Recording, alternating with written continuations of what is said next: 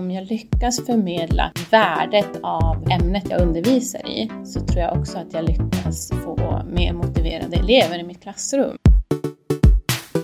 Hej allihopa och välkomna till det här avsnittet av Vägledningspodden med mig Annika Davén. Och mig Aino Kolmar. Idag har vi ett jättespännande ämne då vi har med oss Börje Lindqvist och Janita Nilsson från Luleå kommun som 2021 startade ett arbete med att vägledningen skulle vara hela skolans ansvar, men på komvux.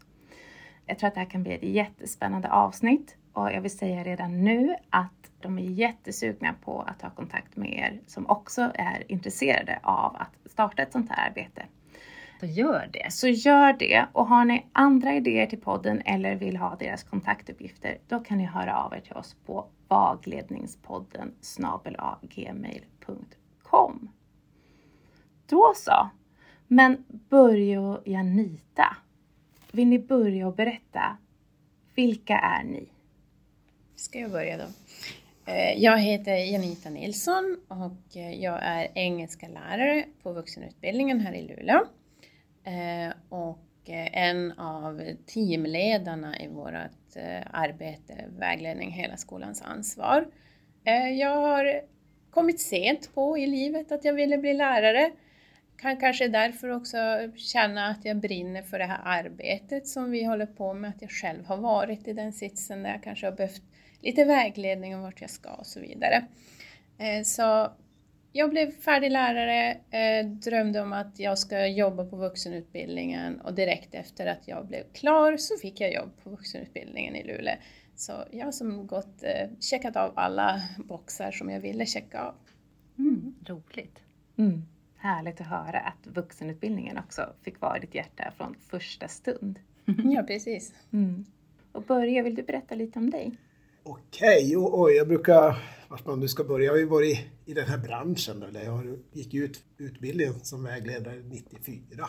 Då förstår ni att jag varit med ett tag. Mm. Och innan dess har jag utbildat mig till lärare så jag har också pluggat två gånger. Ah. Så att, eh, men från 94 gick jag ju ut och lämnade utbildningen i Umeå och sen har jag jobbat då inom ja, olika skolformer olika projekt. Ibland har det inte handlat om vägledning allt utan det har ju handlat om ungdomar.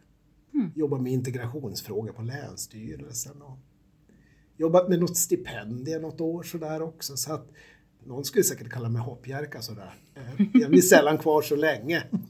Men nu har jag nog, tror jag, landat sen jag kom tillbaka från eh, universitetet och Länsstyrelsen senast. Att jag slår mig till ro här i kommunen och fick en bra tjänst tycker jag nu som utvecklare som det heter. På en avdelning som heter tillväxt och utveckling. Men från första i första nu så ska jag jobba på heltid ute på vuxenutbildningen som utvecklare. Mm. Bland annat med ansvaret då för det här arbetet, vägledning som hela skolans ansvar, som processledare. Då. Ah. Sen jobbar jag en hel del med digital vägledning som intresserar mig väldigt mycket. Mm. Så där driver vi framtidskortet till exempel med mina kollegor i Norrtälje och Karlshamn. Ja, men det tänker jag att flera av våra studenter känner till att vi har jobbat en del med framtidskorten. Mm. Det gör man i gjort. Ja. sista terminen här på utbildningen tror jag. Jo, vi träffar ju dem där i en, i en session där mm. en förmiddag. Och de får introduceras och möta det digitala stödet. Ja, men vad roligt. Det låter som att du har väldigt många järn i elden Börje. Att du har utvecklingsprocesser lite varstans inom kommunen. Både inom då komvux och inom det här med digital teknologi och framtidskorten och allt sånt där. Mm. Det stämmer, stämmer bra. Men jag är nyfiken på hur började det här med att ni skulle jobba med hela skolans ansvar inom ramen för vuxenutbildningen? Det tror jag du får ta och börja, för du var med från början. Jo, från början var det ju eh, faktiskt började vi 2020 redan. Innan, innan det blev vad det faktiskt blev idag. Mm. Det har vi haft en speciell resa i och med att vi hade en driven eh, vuxenutbildningschef som tyckte det här med skola och arbetsliv var någonting vi skulle behöva utveckla. Mm. Eh, som kontaktade mig då kring ett sådant arbete. Så där, där började vi redan 2020 med de, då satte vi ihop en särskild arbetsgrupp som representerade egentligen vad, vad processgruppen är idag. Som jag har en blandning av lärare och administratörer, de som var engagerade i frågan. Så att där jobbar vi och sen skulle vi då in i ett utvecklingsprojekt tänkte vi med IFUS som en, ja, man kan säga en ideell förening som, som driver olika typer av utvecklingsprojekt inom skola då. Och där vi skulle då ingå i ett program som tittade på skola och samverkan skola och arbetsliv. Så vi var från början i den tilltänkta samarbetsgruppen, flera kommuner, flera skolformer. Men i slutändan så föll de bort den ena efter den andra. Så att till slut var det bara vi kvar. Och då blev det ju ingenting, förstår ni. Det blev inget program, det blev inget projekt, det blev ingenting alls. Mm. Men vi tyckte vi hade kommit så pass långt i vårt arbete så vi tog ett beslut att vi driver det själva. Mm. Och kopplingen man såg var väl den här kompetensförsörjningen av kommunen som var liksom på något sätt syftet till att starta projektet? Ja men det stämmer ju bra, det kommer en ny skrivning där för vuxenutbildningen eller skollagen och vårt ansvar för den regionala kompetensförsörjningen mm. och det arbetet. Så att eh, lite grann av absolut kom det ur det arbetet samt att eh, våran skolchef då gick en skolchefsutbildning. Hon hade precis intresserat sig för den här frågan så det var väldigt lyckat på så sätt. Bra timing. Mm. Ja, det, var, jo, det är som allt annat jag brukar mm. säga, det handlar ju ofta om timing när man får igång sådana spännande saker. Mm. Mm. Det vi driver nu. Men kompetensförsörjning och den skrivning som kom i lagen och mm. all skrivning som finns i läroplanen. Och, mm. eh, vi nagelförde också och tittade på kursplanerna som, som de var skrivna då, fann ju starka kopplingar till att mm. integrera eller få med det här med arbetsliv. Mm. Jag tycker att man blir så glad också när man hör exempel som ni har då på när det är på något sätt en klok ledning som ser, ser det långsiktiga och vägledningens betydelse för kompetensförsörjningen. För att det ofta brukar man ju säga om just eh, kanske om politik och kommun, kommunal politik också, att man tänker så kortsiktigt, så långt näsan räcker. Men det här känns som tvärtom, tycker jag. Mm. Mm. Vi har ju varit inne ganska mycket, Janita, på det här med bildning och mm. eh, vår roll som utbildare eller skola. Mm. Vi har ju ett ansvar att förbereda våra individer för arbetslivet. Mm. Mm. Och sen tänker jag på det här som du nämnde med att man har haft en klok ledning som har tagit tag i det här också. Att med att, sen kan man ju vara lycklig över att den vuxchefen som vi hade då som startade det här jobbar ju inte kvar längre utan mm. nu har vi en ny vuxchef och att mm. man även där har fortsatt att hålla fast vid att det är ett viktigt arbete och att vi ska fortsätta med det. Det tycker jag också, det tror jag är ganska ovanligt ja, att man verkligen. faktiskt gör det. Mm. Mm. Det är så vanligt att när det kommer en ny ledning så vill de göra på sitt sätt och mm. de plockar inte upp de stafettpinnar som, som redan finns. Mm. Det är rätt vanligt ju.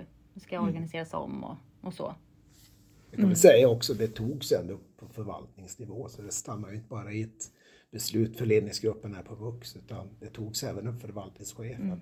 Mm. Samtliga avdelningschefer. Så att även våra andra, om man säger arbetsmarknadsenheten och integrationsenheten ska mm. också kunna ta del av vårt arbete på sikt. Så det, det kanske Just. inte bara ska handla om Vux i slutändan utan det ska kunna, våra, vårt lärande spiller över till mm. våra andra deltagare som också finns mm. på vår förvaltning. Då. Mm. mm. Ja, men då låter det som att det var ett projekt som förankrades eh, ordentligt helt enkelt i, eh, i olika, olika ledningsfunktioner.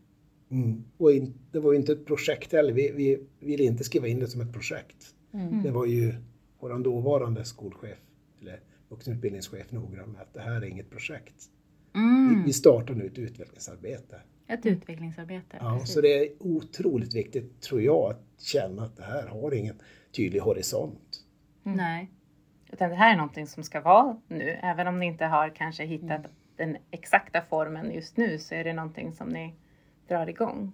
Ja, precis. Som ska ju, finnas. Mm. För i skolans värld så är det mycket som ofta heter projekt. Ja, och det finns någon slags underförstådd sam, samsyn kring vad projekt innebär. Det handlar om att man ska checka boxar och så har man gjort någonting och så är vi som klar med det. Det är därför det är viktigt att vi har varit tydliga med att det är inget projekt. Mm. Ja, det blir en mycket större frihet i det, verkligen. Det är så många projekt som hamnar på projekt Kyrkogården också. Att det är något som tillfälligt bara ska, ja men som du säger, det ska tickas boxar och det är mål som sätts och sen så blir, finns det ingen, finns ingen långsiktighet i det. Så det är ju fantastiskt. Mm. Men det låter som att ni har två starka fördelar med det som ni gör i Luleå just nu. Dels att det liksom är förankrat på chefs och förvaltningsnivå och dels att just det här, det är inget projekt. Det är någonting som ska vara ett kontinuerligt arbete och som ni ser med långsiktigt perspektiv. Mm. Mm. Vad är det som ni hoppas kunna uppnå med det här arbetet? Titta på Janita, vad säger ni lärare? Ja, vi lärare, eh, vi lärare tycker väl, jag vet, nu talar jag av egen, alltså mina egna personliga mål med det. Och det är att jag vill när eleverna ska komma till mitt klassrum att dels så vill man ju att de ska ha en vägledning innan de kommer till mig. Men sen vill ju jag också vara med och hjälpa dem, vägleda dem framåt. Mm. Ehm, nu är jag ämneslärare, undervisar i engelska. Jag vill att eleverna ska ha en eh, tanke kring varför de är där hos mig i engelskan. Mm, och just vad man egentligen, vad, vad har de för nytta för, av det sen? Vart kan det leda i framtiden? Det är Mm. sånt vi har, vi har pratat, jobbat mycket med att liksom styrka valkompetensen och det hos eleverna. Så, alltså sådana tankar har jag kring eh, vägledning, hela skolans ansvar. Alltså i mitt arbete, i min undervisning. Det är Mm. någonting jag önskar. För jag tror att om jag lyckas med det, om jag lyckas förmedla värdet av ämnet jag undervisar i, så tror jag också att jag lyckas få mer motiverade elever i mitt klassrum Ja. som faktiskt förstår varför man är där. Mm. Man, man skapar någon form av eh, KASAM, som vi säger på vägledningsspråk, en känsla av eh, meningsfullhet också Precis. med det jag håller på med. Så en förhoppning om att en förankring i vad ett ämne innebär för en personligen kommer att göra att man blir mer motiverad till Ja. att både fullfölja utbildningen och kanske göra någonting med den utbildningen som man får. Det är så jag- Precis. Mm. Och det, är väl, det är väl ett litet grann om man, eh, om man tittar på vår vuxenutbildningschef, det är en förhoppning att vi ska minska avhoppen. Mm. Eh, och att man går in i utbildningen och får en tidig bild av vad det här handlar om också. Så jag håller med Janita, det är, dels är det bra att vi gör ett bra förarbete. Nu ligger det inte alltid i våra händer. De kommer ju som vuxna vanligtvis från olika håll. Mm. Inte alltid vägledda och så vidare. Så att eh, eh, vi har ju en målgrupp som kanske får sin första vägledning i mötet med Janita kanske. Det. Eller någon av våra lärare då, som engagerar sig i, Mm. i den här frågan. Och det där tycker jag är en bra tanke för att jag tänker att många, när vi vägledare pratar så pratar vi nästan alltid som att man ska komma till vägledningen först och sen så är det från vägledningen ta sig vidare. Men jag tror att verkligheten ser annorlunda ut, att det är lärarna som är liksom den första mötet med vad det här kan göra för min karriär. Och att det sen kommer vägledningen lite längre in och då, då vänder man ju på det på något sätt. Mm.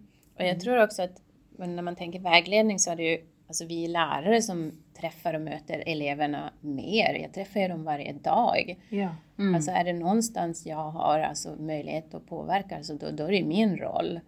Eftersom att jag har en, en liksom relation till dem, eh, träffar dem i 20 veckor innan Ja, de går precis. vidare till nästa kurs. Mm. Så absolut, det är ju jag som kan göra det stora jobbet. Ja. Mm. Och jag tänkte på det när vi hade det här förmötet så berättade ni också att, att det, det lät som att det är en form av implementeringsarbete som ni håller på med också. Att liksom just ha en samsyn och ett gemensamt språk och kring de här sakerna. Hur eh, stämmer det? Var det så? Uppfattade jag det rätt då? Jag, tänkte hela gruppen att vi pratar precis det. Nu nämner ju Janita valkompetens. Det är ju långt ifrån självklart för alla. Ja, jag menar det. Vad, är, vad, vad står generell vägledning för? Vad är in- individuell vägledning? Så att begreppen kom in och redan 2020 och vi hade ett, ett del material som lärarna fick tillhanda också. Mm. Eh, som stöd för att förstå de här begreppen. Som nu tycker jag att Janita börjar sitta Mm. hos lärarna också. Ah, häftigt. börjar se varandras roller. Mm. Ja, men vad, när vi pratar valkompetens, vad, vad menar vi då? Karriärlärande hade vi ju gen, för senast en, en genomgång då med, med Åsa Sundelin där vi pratar om vad, vad, vad står det för karriärlärandet? Mm. Så att eh, jag tror det är viktigt att reda ut det där och att vi får samma språk, absolut. Mm. Och som jag förstod det så har det varit ganska mycket av en utmaning också. Att det var väldigt många inblandade. Var det hundra, hundra personer? Ja, vi ser cirka 100 personer är vi och då är ju de 100 personerna uppdelade i olika rektorsområden.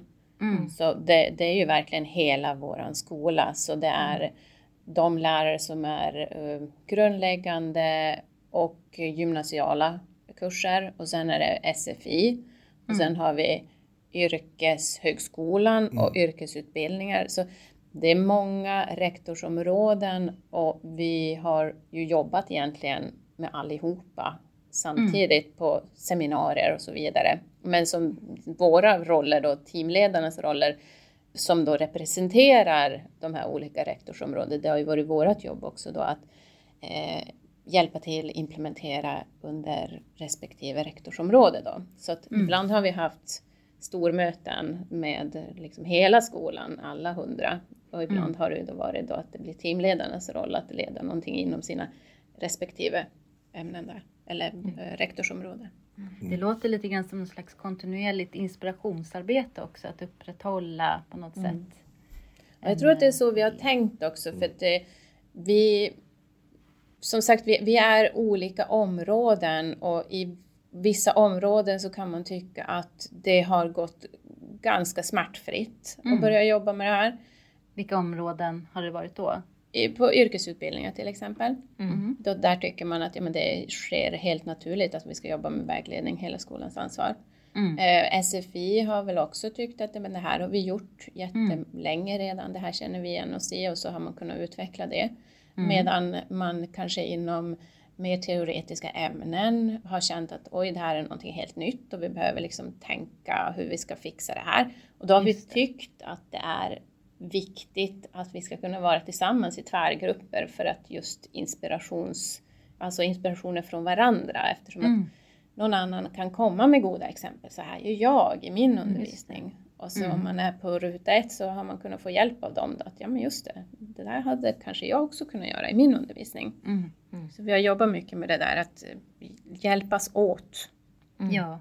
Och det, jag tänker att det låter som att det blir ju roligare att arbeta. Det skapar ju en meningsfullhet för, för lärarlagen också, tänker jag. Måste det ju göra. Mm. Ja, det har ju blivit som en slags bieffekt av det har man ju hört att många känner att man har lärt sig så mycket av varandra. Ja, jag menar det. För att vi är på en skola men vi är ändå ganska uppdelade i våra egna, liksom SFI håller på med SFI och Mm. yrkes håller på med yrkes. Men vi har lärt oss mycket mer av varandra, vad de sysslar med. Mhm. Ja, just Så det. det har varit som en positiv bieffekt med att vi har arbetat med det här. Ja. Ja, för det, som jag har förstått det så både, det är ju både vägledaryrket och läraryrket kan ju vara ganska ensamt. Så just de här samarbetsmöjligheterna är ju guld värt. Och det är väl något vi har också tryckt på, vi har det skrivet i våra, våra mål och syften. Så det, det att få samverkan är ju viktigt för oss och det har vi ju haft speciella utvecklingsseminarier där vi har lyft just den frågan. Hur ser samverkan ut? Inte bara kanske med, mellan skola och arbetsliv, alltså- alltså arbetsgivare och branscher, utan sinsemellan i, mellan ämnen, mellan yrkesutbildarna och, och ämnesutbildarna och så vidare. Och mellan vägledare och lärare naturligtvis.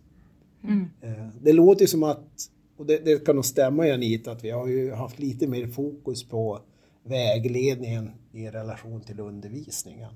Ja. För, för där har vi det, kanske det största arbetet att göra. Eh, sen jobbar jag också med eh, den individuella vägledningen och att utveckla den tillsammans med vägledarna. Men då har vi våra, det är ju våra möten. Individuell vägledning är ju vägledarnas ansvar. Ja. Så där, där, I det fallet är, är det ingen större samverkan så med. Men det är ju så att generell vägledning och eh, det som är relaterat till undervisning är ju det som är vårt fokus får man väl säga, har blivit sista året. Och hur, har ni någon tanke om hur ni ska, om det ska på något sätt vara någon samverkan mellan den generella vägledningen och den individuella vägledningen?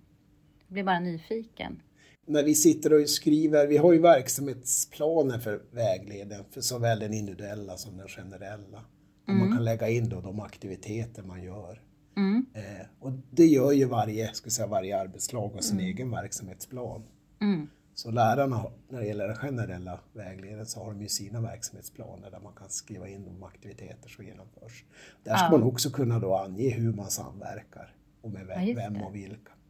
Eh, vägledarna har ju då en individuell verksamhetsplan och där kan de på samma sätt lägga in de aktiviteter som visar på samverkan med den generella vägledningen, eller genom den generella vägledningen. Mm.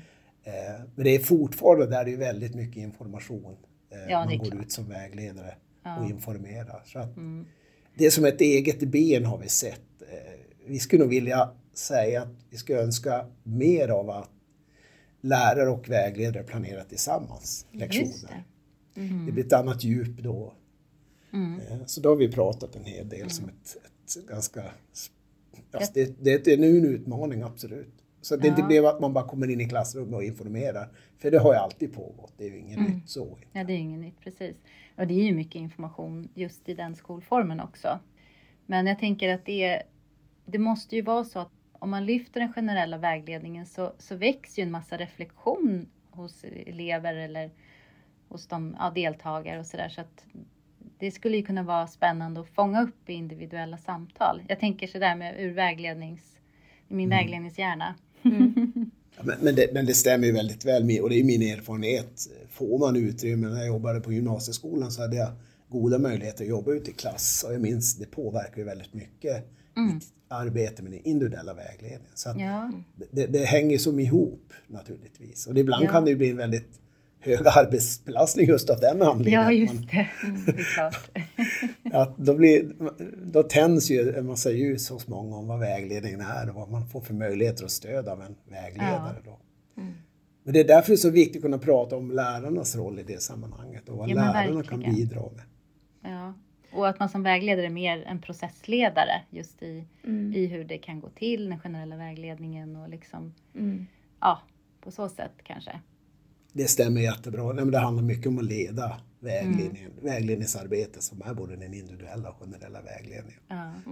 Men än en gång, tack och lov att få det stöd vi fick här så har det gått lättare för mig. Jag vet ju de utmaningar som finns inom grund och gymnasieskola. Ja. Så att, eh, vi får se. Vi, vi, jag ska försöka få det här att spilla över nu på grund och gymnasieskolan också. ja, vad roligt. Mm, så vi har lite möten framöver här där jag ska träffa deras utvecklare och se var vi kan landa. Ja, Ja, men det är ju spännande om man kan få ett sådant perspektiv som verkligen råder ända från ja, men, årskurs ett eller förskoleklass hela vägen upp. Att det finns någon form av ett gemensamt tänk i alla fall Mm. i det där. Ja, men hur vi tänker kring skola och arbetsliv och kopplingen den däremellan. Precis. Jo, nej, men vi, har, vi har samlat på oss ett underlag. Vi har ju haft möten då med vägledarna i grund och gymnasiet kring hur, hur ska ett sånt arbete kunna se ut på grund och gymnasieskolan och vem skulle leda arbetet lite grann. Går det att ha den struktur som vi har med teamledare och processledare? Det var väl de inne snarare, titta på dig Anita, de tyckte första lärarna skulle vara processledare då. För det behöver inte vara en vägledare, absolut Nej, inte. nej. För det handlar om att vad händer i undervisningen. Så att, Ja men vi får se, jag har möte till veckan med, Ja, med dem. Så att, eh, se om det landar rätt där. Och att de, Men jag vet skolchefen, nu har vi en gemensam skolchef för oss alla. Vi sitter ju i samma förvaltning nu. Så att Det finns ju nya förutsättningar från första i första kan man säga. Mm. Jag fattar. Jag tänkte på det också när, när vi pratades vid så pratade ni om att det, att det har varit ganska mycket sådär att det finns ingen att fråga om hur man ska göra olika saker. Att ni har fått eh, pröva er fram. Stämmer det? Jo, det, det är egentligen trial and error hela Ja. tiden. Ja. Ehm, vi, jag och Börje fick ju faktiskt eh, en förfrågan av Skolverket att titta på deras modul som de har gjort nu, som Mm. faktiskt finns, som man kan tipsa om. Mm. Um, och när vi då satt och tittade på den modulen och gick igenom de olika stegen så kunde vi faktiskt känna igen oss i ah. det mesta.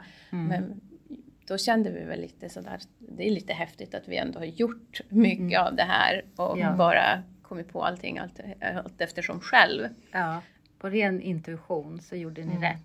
Ja, fast det, det, blir ju lite så att processen är ju hela tiden att eh, man tar ett steg i taget mm. och eh, stannar upp och analyserar hur, hur gick det här? Var är vi nu? Vad skulle nästa steg behöva bli? Mm. Um, så det är ju lite så att vi, vi lägger ju som rälsen allt eftersom nu. Mm. mm. Så, mm. Mm. Jag läste något citat av han Bandura som har varit med i den här SCCT, self-efficacy vägledningsteorin. Och att han har något citat där han säger så här learning by doing can also be a very hazardous process. För att man får göra liksom alla misstag själv på något sätt. När man inte har förebilder eller man har någon som går före som kan ta de största smällarna och man kan lära av dem istället på något sätt. Ja. Mm. Nej men alltså på, på den nivån är det också att vi har väl känt oss ensamma eh, dels i arbetet och själva processen kring allting men också många, kan jag tänka mig, ämneslärare känner sig ensamma i att mm. det finns inte så många liksom, goda exempel mm. utifrån verksamheten som man skulle kunna snegla på och se att nej men titta här har de gjort så här och det här kanske jag skulle kunna prova. Mm. Så där, där tror jag också att det är en utmaning att jobba med det eh, när man är liksom kanske så först ut att verkligen mm. försöka mm. implementera det här i sin undervisning. Just mm. det. Så det är väl också en sån där äh, man, man vill liksom skicka ut till andra verksamheter i landet. Att är det någon som håller på med någonting liknande så ta kontakt så delar vi gärna information. Jag gör det. Men jag tänkte, ni har inga planer på att göra något material eller försöka skriva ihop någon slags eh, manual höll jag på att säga, men mm, alltså någon form erfarenhetsnedteckning eh, på något sätt? Jag vet inte om vi har pratat om det, men jag kan tänka mig att alltså, vi har våra verksamhetsplaner som vi har skrivit i, i våra olika ämnesgrupper där vi har spånat tillsammans, skrivit ner olika aktiviteter som vi planerar att ha. Sen ska man ju revidera det där och fundera, mm. hur gick det här? Mm. Uh, alltså sådana uh, verksamhetsplaner skulle mm. kunna bli kanske ja, någon slags manualer uh, ja. efter en analys. Mm. Men kan ni ge några exempel på några aktiviteter som ni har tänkt så man får en liten bild framför sig vad det är ni oh, gör? Bra.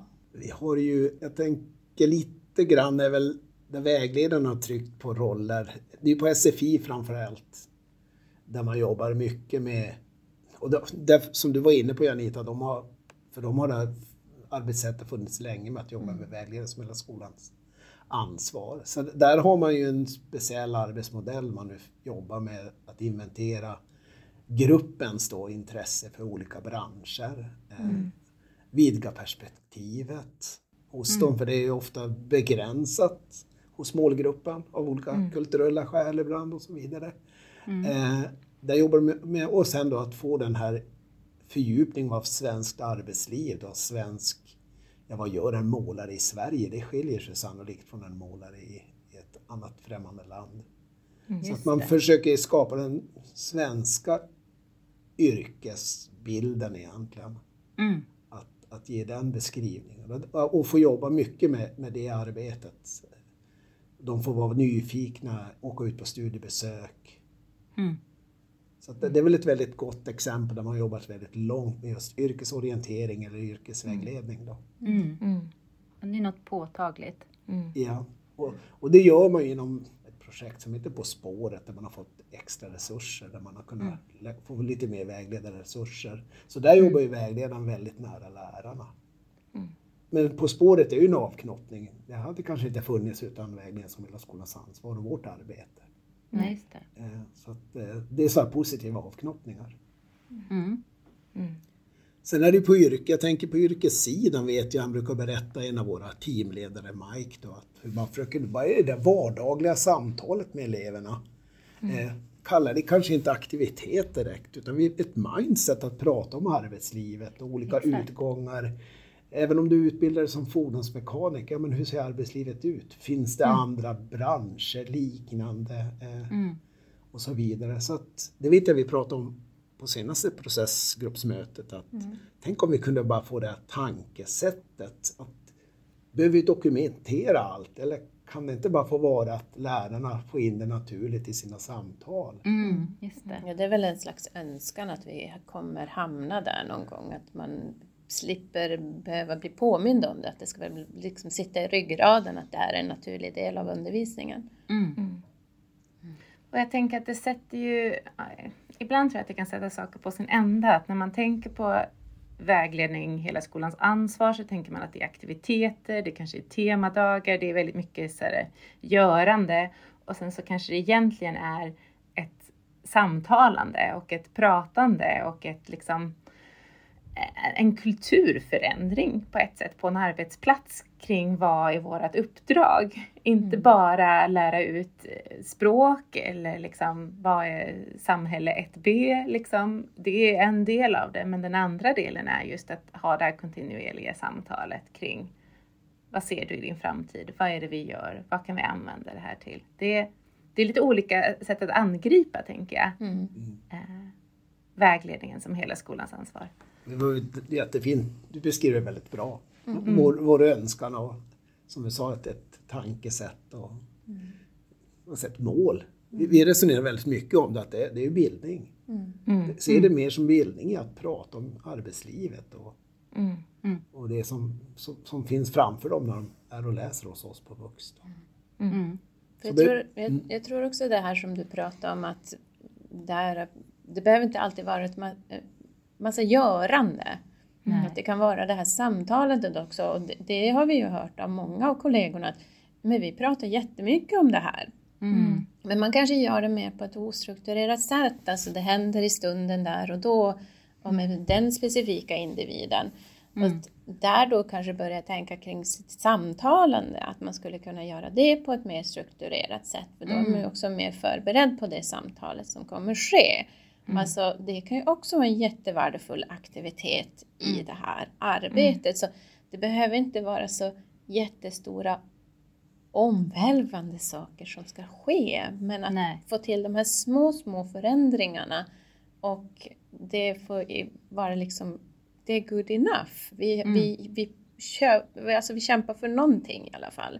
För Mm. att det är också en utmaning som bör lyftas med vuxenutbildningen.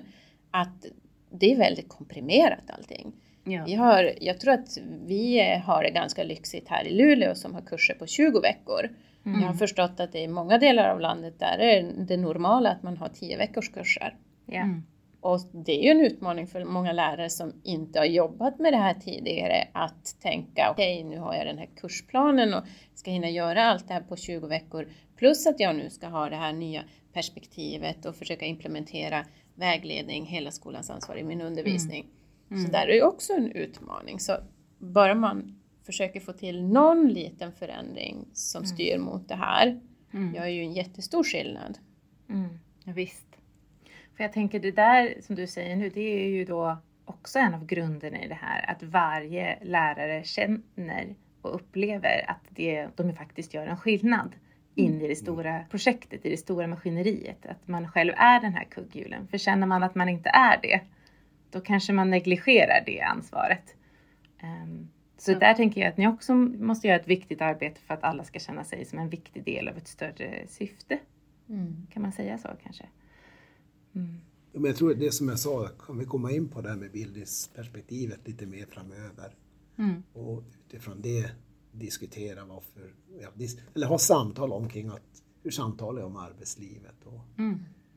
karriärlärandet överhuvudtaget så där så, så tror jag vi avdramatiserar det. För vi, jag pratade faktiskt i det fallet för grund och gymnasiesyvarna lite orolig för det blir alltid en fråga om resurser. Mm. Och det är lätt att bli så att ja, nu ska vi in och göra en massa nya aktiviteter som du är inne på Janita. Så känner de, ja men vi har inte tid och utrymme för det. Mm. Vi har inte de resurserna. Så att, kan man få det där med det här mindsetet, det kulturella förändringar så, så kanske man inte har den synen på att det här är någonting som läggs på utöver. Nej, precis. Ja, men att strukturera samtal är ju att skapa ett lärande i samtalet också, Mm. Mm. ofta. Mm. Men har det varit ett arbete då att få med alla på tåget? i det här? De här hundra personerna. Ja men det har det ju. Det, Mm. det, det tror jag det, det tror jag är det normala. Jag tror Mm, att ja, man ingenstans skulle kunna säga att alla de här hundra personerna har liksom varit från första dagen med på tåget och tänkt det här gör vi. Mm. Eh, och det är ju ett fortsatt arbete.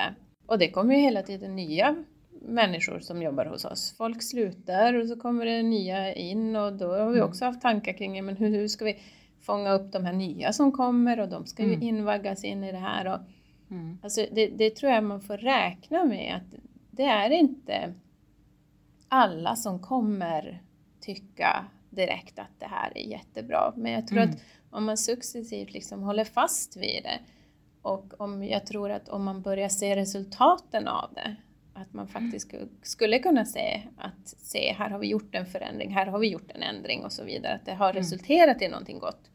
Då tror jag att man ökar den här motivationen också från att hoppa på det här tåget. Mm. Men också den här nyckeln att se det som en arbetskultur, tänker jag. Alltså rent organisatoriskt. Om man tänker, ja men som organisationsforskning och så. Att, det, att skapa en arbetskultur som genomsyras av något, det påverkar i långa loppet eh, på, ett bra, på ett bra sätt. Då. Men vi omges ju också, det kommer som läget är i, i Norrbotten ja, med investeringarna. För att komma tillbaka till vi inledde nästan med kompetensförsörjningsfrågan så lärare, vägledare eller administratörer eller vilken än roll du har på skolan så det är svårt att undvika att det händer en massa saker. Mm. Eh, och vi vet att det är vi som har de som ska jobba med, bli en del av kompetensförsörjningen. Ja, precis. För deras egen försörjning kan man ju säga då. Ja, se, se Så. det. Så att eh, jag, tror vi, jag hoppas och tror bara där har vi en kulturell förändring Mm. att, att Norrbotten finns på kartan nu som ett ställe där det investeras nu Mm. och där arbetskraftsbehovet är väldigt stort under Ja, de kommande åren. Och så den där lagtexten om att vi har ett särskilt ansvar för det också Mm. som utbildare. Mm. Du sa ju lite att eh, lite det här med resultat. Vad Mm. är det för, om man skulle konkretisera det, vad är det för resultat ni hoppas på? Det var väl det vi pratade om tidigare. Alltså vi, eller vi, initialt när vi började arbeta med det här, då har vi varit inne på så här, ja men hur ska vi, hur ska vi kunna se ett resultat av det? Mm. Och vi har väl haft lite tankar kring det, men ingenting ännu som är så här helt klarlagt att så här kommer vi se resultatet av det. Eh, Men vi har haft tankar om till exempel man hade kunnat göra någon slags intervjuer med elever, alltså för att få, har de fått ökad valkompetens? Ja. Ehm, har vi elever som fullföljer sina kurser istället för att hoppa av och så vidare. Så, så det är väl mer så konkreta saker som vi skulle kunna tänka att det här skulle kunna vara ett resultat av vårt arbete. Men just det här analysverktyget till att få fatt i det, där är vi inte än. Det, det har vi som inte ännu. Vi kan väl säga vi har ett arbete under hösten Mm. ett, och det finns ett riktningsbeslut från ledningsgruppen att vi ska titta på hur vi kursutvärderar våra utbildningar. Eh, och att en fråga blir då i alla andra frågor som ingår i en kursutvärdering kring hur de har utvecklat sitt karriärlärande eller utvecklat sin valkompetens. Så där har ju vi en Det kan vara ett sätt att få Ja. fatt i det. Mm. som, som, men vi, idag har vi inte kursutvärderingar så vi har ett arbete att bara få igång det. Mm. Just det. Men jag tänker det att om då målet är att ändra en kultur så är det ganska svårt att mäta det på något sätt. Mm. Både utifrån arbetsplatsen men också det, lite som vi pratar om att det skvalpar över på eleverna och sen kanske på andra områden i kommunen och så vidare. Det är ju alltid en sån här klassisk fråga som alltid har funnits, vägledningens betydelse kring allt från avhopp till genomströmning. Ja, ni vet de här klassiska. Precis. Och det är väl sällan vi har lyckats få någon bra statistik ur det. Men, för vi, vi vet att det är så komplext vad som påverkar deras avhopp eller deras Ja. genomströmning. Det, det är inte bara den enskilda läraren eller vägledaren utan det är så mycket, mycket annat. Mm. Ja, ofta när man tittar på det, i min erfarenhet i alla fall, när man försöker att titta på avhopp i olika, i olika sammanhang som jag har gjort det, så, så finns det lika många skäl till avhoppen som det finns personer. Det är alltid det samma resultat. Så att det, det måste finnas någonting annat också då som man skulle behöva titta på som gör att avhopp sker då. Precis, och hos oss så kanske man aldrig ens vet. Man vet inte ens varför avhoppet skedde. Så det, det är ju inte alltid ens man har den informationen. Så Nej, det är ju inte så jättetillförlitligt nej. bara gå på det. Det, Jag vet, jag satt med i en utvecklingsgrupp här för under mina år när jag jobbade på Lärcentrum så satte vi ihop en liten tankesmedja här kring, kul. eh, kring just vilka anledningar finns det till att studera överhuvudtaget. Mm. Och, och vi landade nog i typ, jag tror det var uppe i 15 anledningar till att man studerar. Ja. Och då, då, finns, då borde man förstå att de där 15 anledningarna kan ju vara lika med 15 anledningar till avhopp också. Ja. ja, men visst. Mm. Så att eh, då förstår man komplexiteten och att man får vara, ödmjuk när man sitter och jobbar med att försöka förstå den här och att utvärdera. Och jag såg någon abstract på någon studie idag som jag inte hans läsa, men, men att det var en forskning som visade på också att vad, synen på vad man ska göra i en utbildning ändras under utbildningens gång. Att det händer väldigt mycket med studenter, det här var då på universitetet, så här, från början när de börjar en utbildning till vad de ser sig själv göra. Ibland kanske i ett helt annat fält, i en annan bransch. Vi måste ju tänka att det händer verkligen saker Mm. under tidens gång. Mm. Eh, när vi liksom processar vår nya kunskap på något sätt. Så att Mm. det händer grejer verkligen. Absolut. Men om ni skulle ge något tips då till någon kommun som hör det här och bara, vi vill också starta någonting med hela skolans ansvar med vuxna. Har ni något tips till dem? Ett tips är ju, alltså det som ni också lyfte här i början, alltså en av framgångsfaktorerna är ju att man har ett så stort stöd från ledning och så vidare. Det, det, det är nästan som en grundförutsättning för att det ska kunna genomföras. Men sen om Förankra. man ska gå ner på, jag skulle kunna tipsa om den här modulen på Skolverket. Mm. Det är absolut jättebra utgångspunkt men det var väl lite det vi var, tänkte kring modulerna att man får nog höja en varningens finger där att det kan lätt vara så att man jobbar med moduler och så har man gjort modulerna och så tänker man nu är vi färdig. Ja, just det. Man, man måste nog landa i att okej, det här kan vara en bra utgångspunkt att börja i. För att slippa kanske som vi och lägga rälsen hela tiden själv utan någon slags hjälp.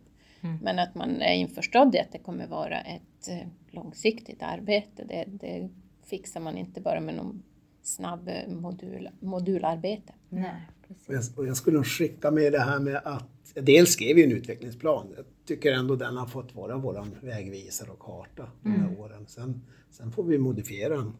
Det är lite agilt. Man får tänka det agila arbetssättet, att vi lär oss på vägen och ibland får vi ta nya riktningar. Men jag tänker också hur man organiserar sig tycker jag är otroligt viktigt. Att det här är inget ensamarbete och det, man ska inte vara ensam att leda det arbetet. Nu är jag processledare men utan teamledarna, utan ledningsgruppens stöd så skulle det här aldrig fungera. Och, och det brukar vi även vår skolchef trycka på. Eh, Att eh, en processledare bör man nog ha för det här Just arbetet. det. Mm. Mm. Och det är inget som man gör på några procent hit eller dit utan det är till och från ganska eh, stort arbete. Ja. Ja. Men också att vi har då teamet och att vi har representanter från varje arbetslag. Mm. Eh, och när vi träffas så lär vi av varandra och stöttar varandra framför allt. Mm. Det är inte alltid, vardagen är inte alltid så enkel ibland Nej, när det nej. gäller att jobba med de här frågorna. Så att, Mm. eh, alltså, organisation tror jag är otroligt viktigt och Mm. då handlar det ju faktiskt om resurser. Mm. Eh, och se det som ett förändringsarbete och inte ett projekt, ett utvecklingsarbete. Förändringsarbete. Mm. Ja. Agilt arbetssätt och förändringsarbete. Och ledarskap har jag också då. Att det finns någon som leder och att det finns en kommunikation mellan dem. Mellan teamledare och processledare och förvaltning och liksom att det finns någon form av ja, process där som funkar. Någon kanal.